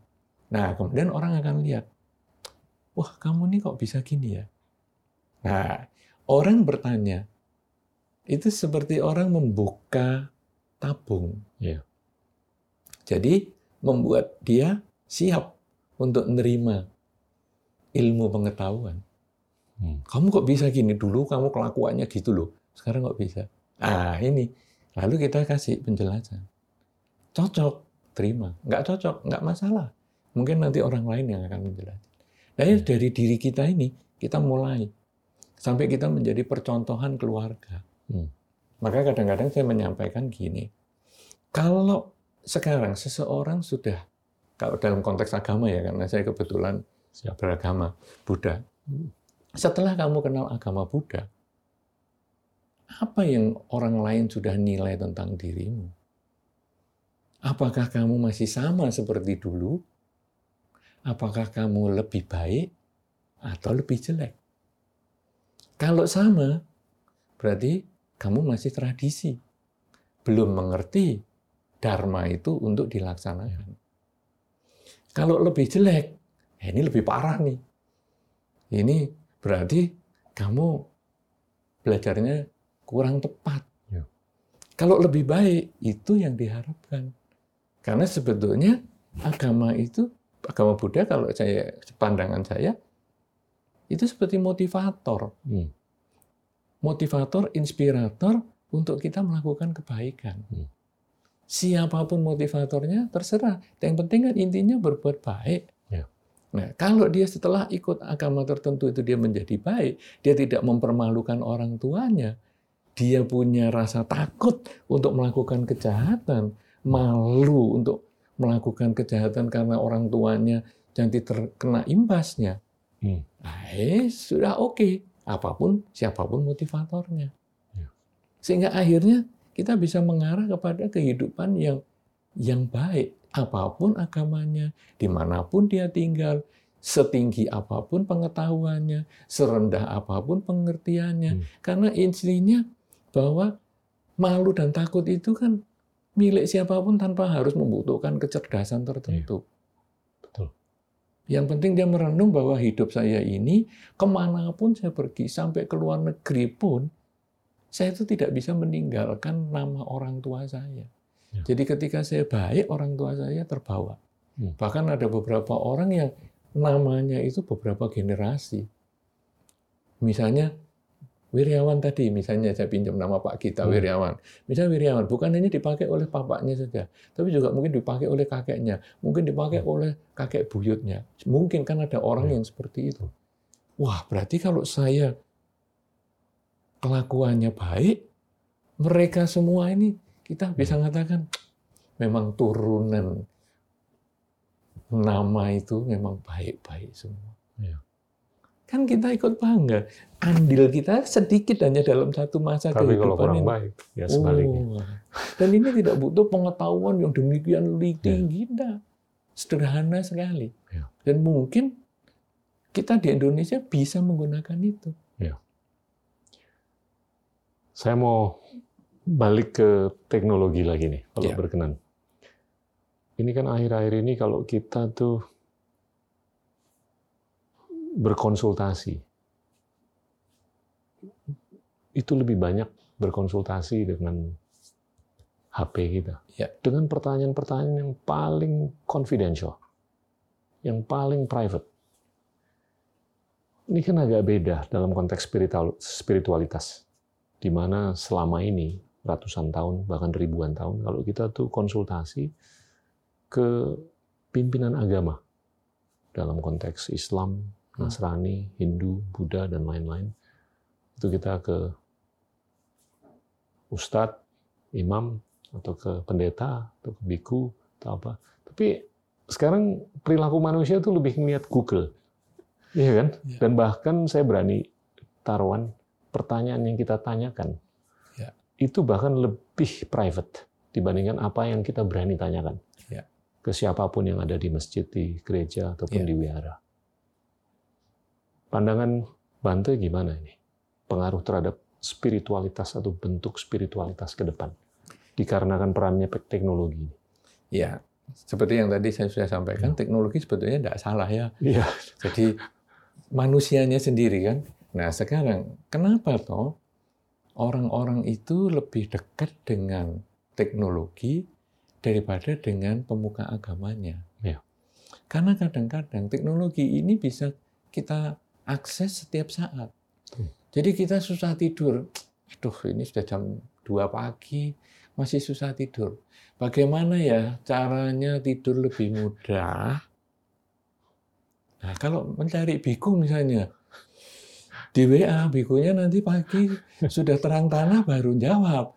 Nah, saya kan sudah tidak tidur semalam suntuk, kan repot. Jadi ya saya tanya ke HP. Nah, jadi begitu pula yang private-private tadi. Ya.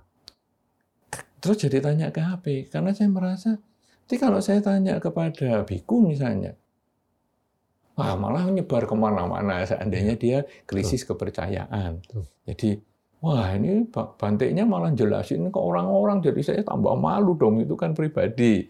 Ya, tapi kalau barangnya bantiknya bisa diem. Kadang dia juga jawab, dalam batin menjadi keraguan itu. Apa bisa ya bantiknya jawab? Oh kan dia biku, meninggalkan semuanya. Saya mau tanya rumah tangga, dia kan tidak menikah. Sekarang saya mau tanya rumah tangga, apa bisa dia? Hmm, Kayaknya tidak bisa. Ya sudahlah, Google aja. Nah, jadi seperti itu. Nah, Ya. sekarang sebetulnya yang paling penting adalah bagaimana kita bisa menjadi tempat bertanya untuk diri kita sendiri. Bukan Google. Kenapa kita bisa menjadi bagian atau kita bisa menjadi solusi untuk diri kita? Kita harus menganalisa pertanyaan atau kesulitan. Ya. Apa sih penyebabnya kesulitan hidup? Keinginan. Ya. Saya ingin ini, saya ingin itu, itu penyebabnya. Iya. Mau tanya ke siapa saja, sumbernya tetap keinginannya sendiri. Keinginan dengan kenyataan itu kadang tidak Beda. seimbang. Ya. Keinginan saya 100, kenyataan 70. Berarti ada jarak 30. Ini yang menimbulkan stres. Keinginan saya tidur jam 12. Sampai jam 2 pagi saya belum tidur, stres. Tanya Google. Sebetulnya ini keinginan sendiri. Tidak mau menerima kenyataan. Nah sekarang, kalau keinginan lebih tinggi daripada kenyataan, kita hanya bisa mengubah keinginan. Tidak bisa mengubah kenyataan. Sekarang sudah jam 2. Tadi niat saya mau tidur jam 12. Berarti gimana? Ya saya setel sekarang, saya menerima ketidakkekalan. Ya. Bahwa ini memang sudah jam 2. Tapi karena saya bangun nanti jam 3, berarti saya masih ada satu jam untuk istirahat. Begitu kita bisa terima kenyataan, tenang. Tidak perlu cari Google lagi. Sebaliknya keinginan saya 100, saya dapatnya 150. Ya tidak usah ngomong, sudah happy lah itu. Karena sudah kelebihan daripada yang kita harapkan. Nah, yang bikin stres selalu keinginan lebih tinggi daripada kenyataan. Karena itu sebetulnya kita lalu belajar mengendalikan ketidakkekalan tadi. Ya. Kalau kita sudah memahami ketidakkekalan, keinginan saya pun ini tidak kekal. Saat ini jam 2 saya belum tidur. Ingin saya jam 12. Oke. Saat ini saya harus terima kenyataan. Cuman nanti lain kesempatan ini menjadi pelajaran. Ya. Saya mungkin tidurnya lebih awal. Nah, jadi ini pelajaran bukan hanya nanti, ah tidak apa-apa, nanti sampai jam 3 ya saya menyesuaikan lagi, sampai jam 5 ya saya menyesuaikan. Tidak tidur saya menyesuaikan. Lama-lama sakit. Kita harus menjadikan pengalaman tidak nyaman ini sebagai pelajaran. Supaya di lain kesempatan tidak terlalu terjadi gap lagi. Dan ini bisa terjadi di semua bidang, problem. Ya. Semua problem penyebabnya adalah diri sendiri. Ya. Semua problem adalah keinginannya sendiri. Problem apa misalnya? Problem ekonomi. Ya. Ada orang mengatakan, aduh, penghasilanku 5 juta ini kok masih kurang ya? Di dunia itu, kita jari ini kan lima. Tadi kalau kita bahas jari Ya. lagi ya. Betul. Tadi jari kekuatan, sekarang jari ini menunjukkan ke tingkat. Sebetulnya jari tengah itu melambangkan kita. Ya. Makanya orang kalau baru emosi yang dikeluarkan jari tengah. Tapi saya selalu nunjuk lima, tidak pernah jari setengah saja. Ya, jari tengah ini sekarang uang, katakanlah saya uang tadi 5, 5 juta. Aduh rasanya nggak cukup ya 5 juta. Oke, kita di sini 5 juta. Sebetulnya kalau kita lihat menuju yang kecil, ada yang 3 juta, ada yang 1 juta. Jadi kita kalau sudah begini, kadang sombong. Hmm, kamu kecil gajimu. Nih loh, aku 5, kamu 3, 1. Hmm. Tapi kalau kita gini, minder. 7 juta, 10 juta. Wow. Hajiku 5 juta. Padahal kalau kita gini, normal. Iya. Biasa-biasa. Nah, kenapa kita stres dengan gaji 5 juta? Oh, dia gaji 1 juta saja bisa hidup. Wah, dia itu kan nah, rumahnya kecil. Eh, itu kan urusan lain. Ini kan kembali ke keinginan. Keinginan tidak pernah ada batasnya. Kebutuhan itu yang bisa berbatas. Hmm. Ini kalau 5 juta. Mau 500 juta, sama. Ada yang lebih kecil, ada yang Ya. lebih besar. Untuk apa kita sombong? Untuk apa kita minder? Karena kita selalu di tengah. Ya. Sekarang 5 triliun. Ya sama saja. Makanya jari kita 5 ini sudah pas. Ya. Ini kalau jari, kalau berbicara nilai mata uang. Karena nilai mata uang paling gampang dihitung kan. Nah sekarang tingkat kesulitan juga sama. Saya sakit-sakitan.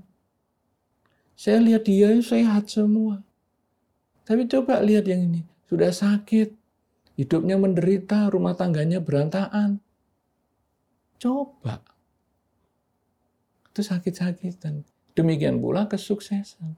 Ya. Woi, saya lulus dengan luar biasa. Ya, kalau kita lihat gini luar biasa. Yang lulus luar biasa lain juga lebih banyak. Ya. Dengan memahami jari kita lima ini aja, kesombongan sudah tidak ada, minder nggak ada, ya biasa-biasa aja. Ya. Hidup ini akhirnya santai. Tidak ada lagi yang kita perlu banggakan atau kita Ya. khawatir. Dan itu akhirnya kita bisa menjadi tempat bertanya untuk problem kita sendiri. Kita sudah tidak bertanya lagi kepada Google, tidak bertanya lagi kepada yang lain-lain. Ya. Kita kalau mau bertanya kepada yang lain itu hanya nyocokkan. Iya. Saya kok sulit tidur nih kenapa ya? Google, apa sebab saya sulit tidur? Nah, ayah kamu minum coklat dulu lah, atau susu atau apa semacam itu. Ini mengalihkan pikiran supaya kok kenyang, kemudian kalau tidur kenyang kan ngantuk, tidur. Kan hanya seperti itu. Ya. Dan akhirnya, oh ini semuanya pikiran, keinginan sendiri. Problem apa pun sebetulnya dari keinginan. Ya. Apa kira-kira Pak kita bisa memberikan contoh yang bukan keinginan misalnya? misalnya saja. Bisa. Misalnya apa? Yang bukan Yang keinginan. bukan mencerminkan keinginan. Iya. Waduh. Kan kalau tadi kan kita bahas nih, misalnya sampah. Wah, sampah ini mengganggu. Kan kita ada keinginan untuk untuk menyelesaikan itu. Makanya kita sekarang harus membuat sistem. Ya. Misalnya malu dan takut tadi. Supaya nanti jangan sampai ada orang yang mau buang sampah lagi, plastik dan lain sebagainya. Tetapi stres kita karena sampah plastik itu, itu karena kenapa ya semua orang ini kok nggak mau seperti saya ya? ya jadi stresnya itu loh yang membuat kita itu Iya. ada beban mental. Iya. Padahal kita hadapi Ekspektasi dan realita. Iya. Nah, padahal kalau kita hadapi itu dengan netral, ini Iya. memang ada kasus Iya. pembuangan sampah plastik. Tetapi kasus ini saya tidak perlu melibatkan emosi saya. Saya cukup menggunakan logika saya. Kenapa seorang dokter disarankan untuk tidak mengoperasi keluarganya? Padahal wah dia dokter operasi siapa saja Iya. dal dal dal dal. Kenapa kok dia tidak disarankan? Karena ada keterlibatan emosional. Iya. Dan itu bisa membuat pikiran kita tidak Iya. objektif. Sampah dunia itu betul. Itu kasus. Tapi kita tidak perlu menyikapi secara emosional. Mungkin dengan menunjukkan kedisiplinan Iya. di diri sendiri Betul. untuk mungut Iya, itu aja. betul. Nggak usah berharap orang lain mungut, Iya, ya kan? karena dengan saya memungut satu botol minuman mineral Iya. plastik ini, saya sudah mengurangi Iya. Pencemaran Satu lautan. unit permasalahan. Iya. Apalagi kalau saya nanti bisa gerakkan keluarga saya. Iya. Dan apalagi kalau akhirnya tiap hari libur, ayo kalau misalnya di luar pandemi, tiap hari libur, ayo kita bikin acara Iya. bersih-bersih, mungkin di pantai, mungkin di mana. Itu kan luar biasa sekali. Oke, saya mau agak challenge sedikit nih. Bahwasanya kenyataan itu mungkin nggak seindah atau nggak seberkenan seperti yang kita inginkan. Betul. Terlepas dari pentingan diri sendiri Ya. untuk melakukan perbaikan. Apakah ini cermin dari krisis moral Bisa disebut Iya kan? demikian. secara global? ya? Global ya. Iya kan? Bisa disebut demikian. Krisis moral dalam arti dia tidak bisa memanage Dirinya sendiri. dirinya sendiri. Iya kan? keinginannya sendiri dia tidak tahu penyebabnya. Jadi Iya. ini ini kadang-kadang dalam satu pendidikan di Indonesia, Iya. kadang-kadang saya melihat ada sedikit ini. Jadi misalnya gini, anak kecil jatuh di beberapa budaya yang masih agak belum begitu banyak wawasan, anak kecil jatuh yang dipukul adalah lantainya. Ini lantai memang nakal, nak. Oh, sampai kamu jatuh, sayang, sayang, sayang. Lantainya yang dipukul. Jadi anak ini ada konsep, Iya. saya jatuh karena orang lain. Iya. Saya jatuh karena perilaku yang lain. Saya sebagai korban. Iya.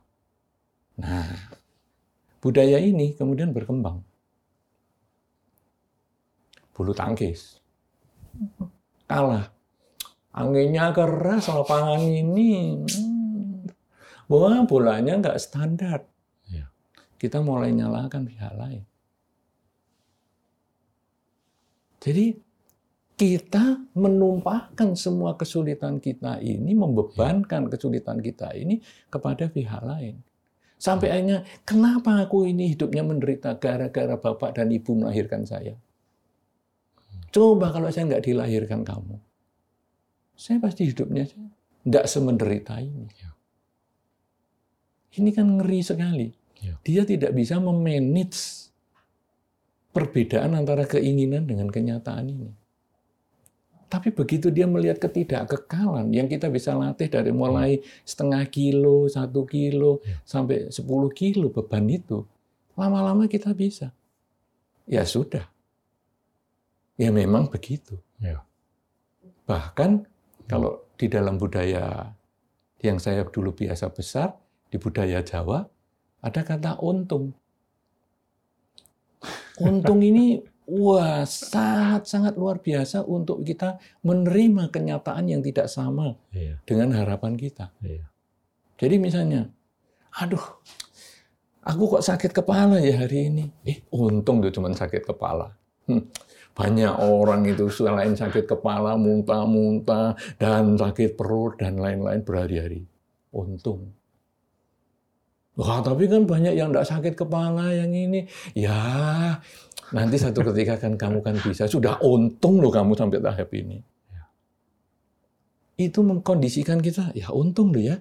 Walaupun tadi keinginan saya kan 100 nih, saya dapatnya 70. Untung masih 70. Waktu ini dapatnya 50. Eh, untung juga loh. Dapat 50 daripada nggak, nggak ada sama sekali. Loh ini nggak ada sama sekali. Ya masih untung, kamu punya pengalaman dalam bekerja. Walaupun nggak ada hasil, tapi kamu punya pengalaman. Dan pengalaman itu tidak bisa dinilai harganya. Untung. Tetap untung. Nah, apalagi kalau sekarang keuntung, eh, keinginannya 100, kemudian pencapaiannya 150. Ah, untung. Untung ini sudah pencapaiannya lebih tinggi. Nah, begitu kita bisa memanage pikiran kita seperti ini, hmm kita lalu melihat kita tidak pernah bisa menyalahkan orang lain yeah. atas problem kita. Yeah. Kita itu berproblem karena kita sendiri. Tapi ada resiko kalau umpamanya kita tuh bisa menjustifikasi. Kita dapat 70. Untung yeah. 70 bukan yeah. 69. Yeah. Ada nggak resiko underperformance? Hmm. Karena kalau kita komparasikan dengan negara-negara lain, semestinya yeah. kita harus di 80. Kalau 100 tuh nggak realistis, tapi 80 tuh untuk kita bisa bersaing dengan baik. Tapi kita dapat 70, yeah. kita udah menjustifikasi bahwa itu udah oke. Okay. Ya. Nah, nah tadi itu maka, gimana ya, mencari keseimbangannya? Okay. Nah, ya. tadi makanya saya sampaikan. Ya. Kalau saya sudah 100, tadi yang saya sampaikan dengan jam tadi. Jadi ya. jam 12, saya harusnya tidur Kemudian ke jam 2. Oke okay lah, sekarang ya jam 2 ya sudah saya yang terima ini. Untunglah jam 2 masih ada jam 3. Tapi nanti di lain kesempatan, saya belajar tidurnya lebih awal. Siap. Supaya jangan sampai ngalami ini. Hmm. Itu sebetulnya sama dengan tadi yang ditanyakan oleh Pak Gita. Ya. Saya targetnya 100. Kok saya dapat 70? Saat ini saya tidak bisa ngubah, ini kenyataan. Misalnya penghasilan, omset omset kamu bulan ini kamu harus omsetnya 100. Aduh, kenyataan cuma dapat 70 ini. Oke, kita kan sudah tidak bisa ngubah. Baik, bulan ini 70. Tapi sekarang berapa lama ya. kamu bisa 70? Oke bos, tambah dua minggu. Oh, berarti kita dimensi waktu yang kita mainkan. Ya.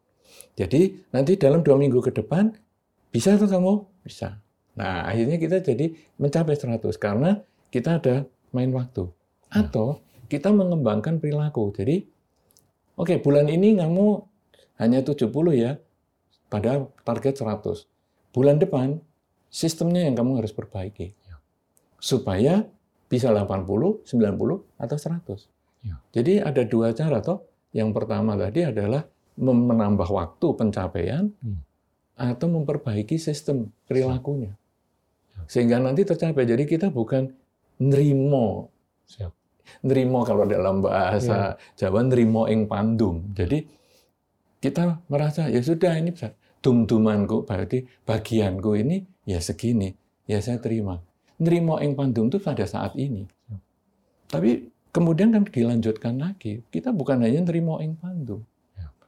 Bahwa ada kata-kata rawe-rawe rantas, malang-malang putung.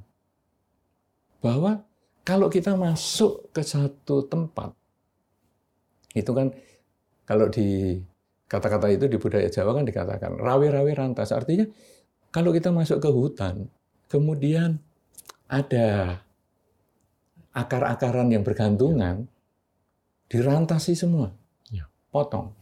Kemudian malang-malang putung. Jadi bukan malang-malang Surabaya atau apa itu bukan. Ini karena bukan bukan pembahasan dari transportasi itu. Yeah. Iya.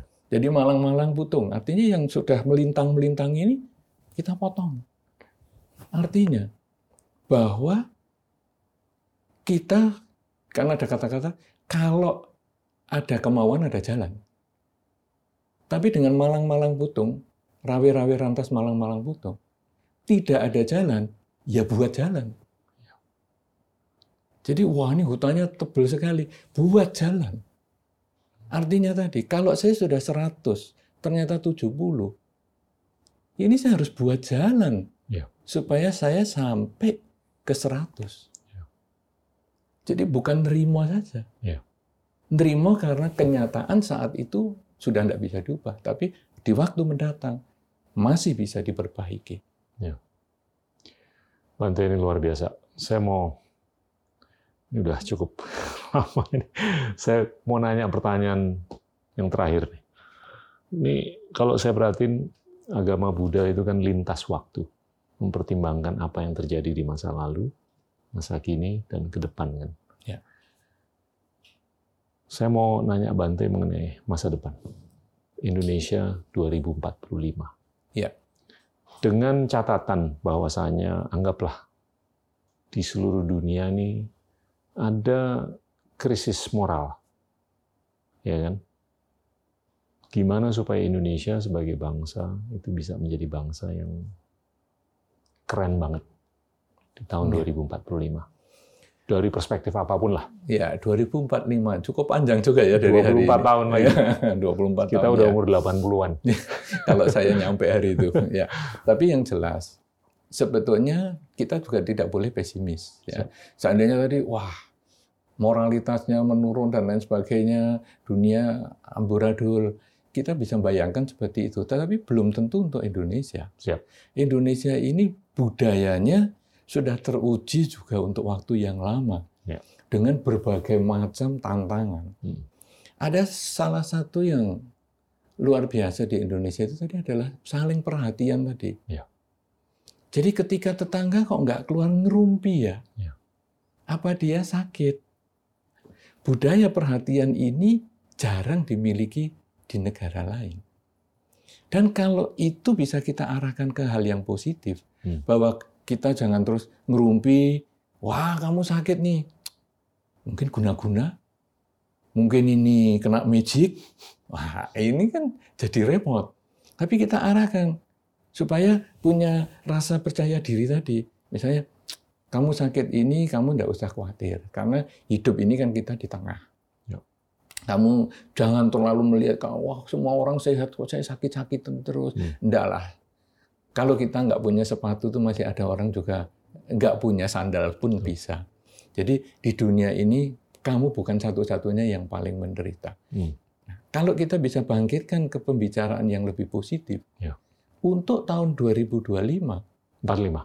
2045, oh ya, oh, 45 ya, bukan 25. Kalau 25 masih saya mungkin nyampe ya, 45. Kalau sekarang 2045, mungkin kita masih siap untuk ngadepi itu. Karena kita punya Ya. flexibility yang luar biasa. Karena perhatian itu tadi tinggal kita kemas. Kita mau isi apa? Budaya malu dan takut tadi, kalau kita kemas di situ, kita siap. Jadi teknologi datang bukan menjadi musuh. Hmm. Tapi teknologi datang menjadi alat untuk kita lebih mengembangkan rasa malu dan takut itu sehingga kita menggunakan teknologi ini dengan baik. Karena kalau tadi berbi- berbicara sejak zaman Sriwijaya, berapa banyak juga teknologi luar yang masuk pada waktu itu. Iya. Berapa banyak budaya luar yang masuk pada waktu itu. Hmm. Tapi masih bisa bertahan sampai hari ini. Iya. Ini kan berarti sebetulnya kita ini cukup solid. Iya. Betul. Cuman memang tidak tertutup kemungkinan kita ini kan ada bagian-bagian tertentu yang mungkin istilahnya kalau bubur panas di tengah ini, di tengah pinggir ini masih ada yang dingin-dingin. Iya.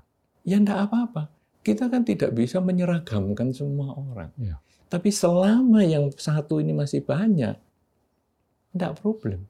Hmm. Ibaratnya kalau sekarang di dalam kelas ada s- 20 orang, kan kepandaiannya enggak sama.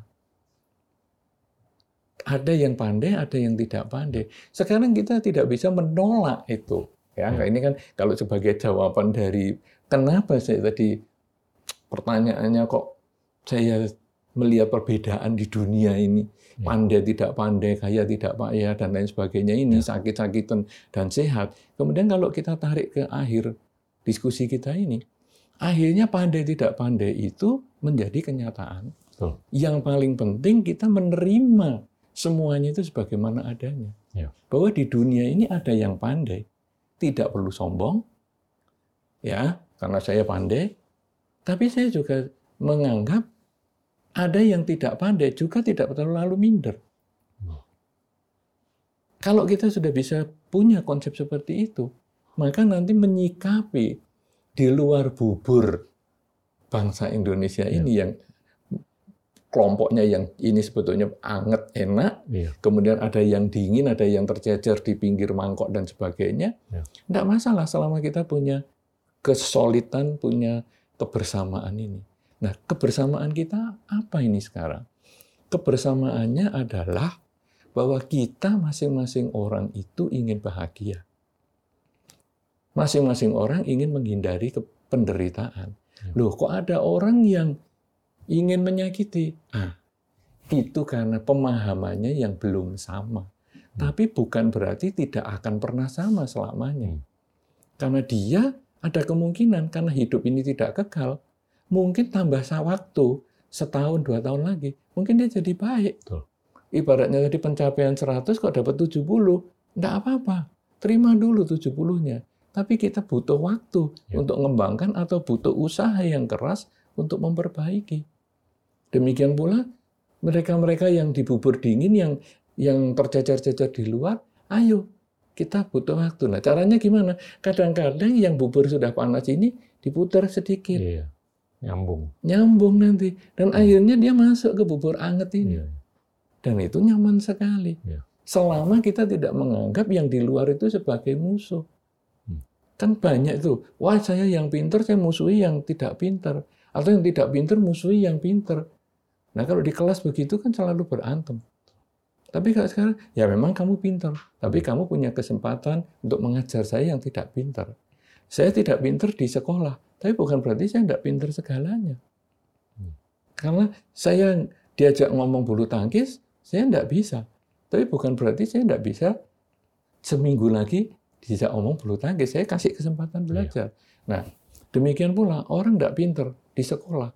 Mungkin dia bidang bidang misalnya untuk bikin taman dia lebih iya. pandai, seni dia lebih pandai. Iya. Nah, jadi 2045 yang akan datang, kalau kita yang yang sudah memahami ini dulu, kemudian kita punya konsep, ayo masing-masing kita berubah. Ya. Dan ini membawa nanti keluarga kita, masyarakat kita, kelompok-kelompok yang ada di dalam masyarakat. Akhirnya nanti yang di luar bubur itu akan bisa ke bawah. Betul. Karena akhirnya, eh saya kok jadi lain sendiri ya. Saya ya malu, saya ya mau ikut ah. Ya, ya. Saya nanti daripada ketinggalan, akhirnya ke bawah. Dan akhirnya nyaman, mau budaya apa yang masuk nggak problem. Tinggal gimana memastikan bagian yang panas itu adalah ya. atribut yang positif. Ya, dan ya. itu bisa didukung oleh semua agama. Ya. Karena sekarang kita malu dan takut itu bisa berdasarkan motivator masing-masing, motivator Betul. kebajikan masing-masing. Betul. Tidak harus dengan agama A, B, C. Bahkan motivator kita bisa orang tua kita. Ya. Nak, malu nak gitu. Kamu nggak takut nak kalau kamu kamu disakiti gitu nanti kamu berbuah kamu juga disakiti hanya seperti itu wow luar biasa terima kasih banyak sama-sama Pak kita Mantap, maaf kalau saya juga mungkin banyak hal yang agak kacau-kacau terutama bahasa sama sekali nggak saya justru yang mohon maaf kalau ada hal-hal yang kurang berkenan Oh, enggak. Ya. Luar biasa sekali Pak kita. Terima kasih Bante. Hebat. Teman-teman, itulah Bante Utamo. Terima kasih. Endgame is a podcast by the School of Government and Public Policy Indonesia, the first Indonesian policy school to offer a full-time master's program in English, and is a production of The Cinema, Indonesia's award-winning entertainment and technology company. Oni Jamhari and Anga Dwima Sasongko are our executive producers. Ahmad Zaki Habibi and Jimmy Kuntoro are our supervising producers. Hana Humaira and Farah Abidah are producers. Bobby Zarkasi is our director. Aditya Dema Pratama is our director of photography. Video editing by Felicia Wiradian. Alvin Pradana Susanto is our sound engineer. Ratri Pratiwi and Fiera Rahmawati are research assistants. Aulia Septiadi and Ferdizal Optama are our graphic designers. Transcriptions and translations by Isfi Afiani. The song you're hearing is by Niall Giuliarso, Ferdinand Chandra, and Philippus Cahyadi, mixed and produced by Gibran Wiryawan. The production of this episode adheres closely to the local authorities' health and safety protocols.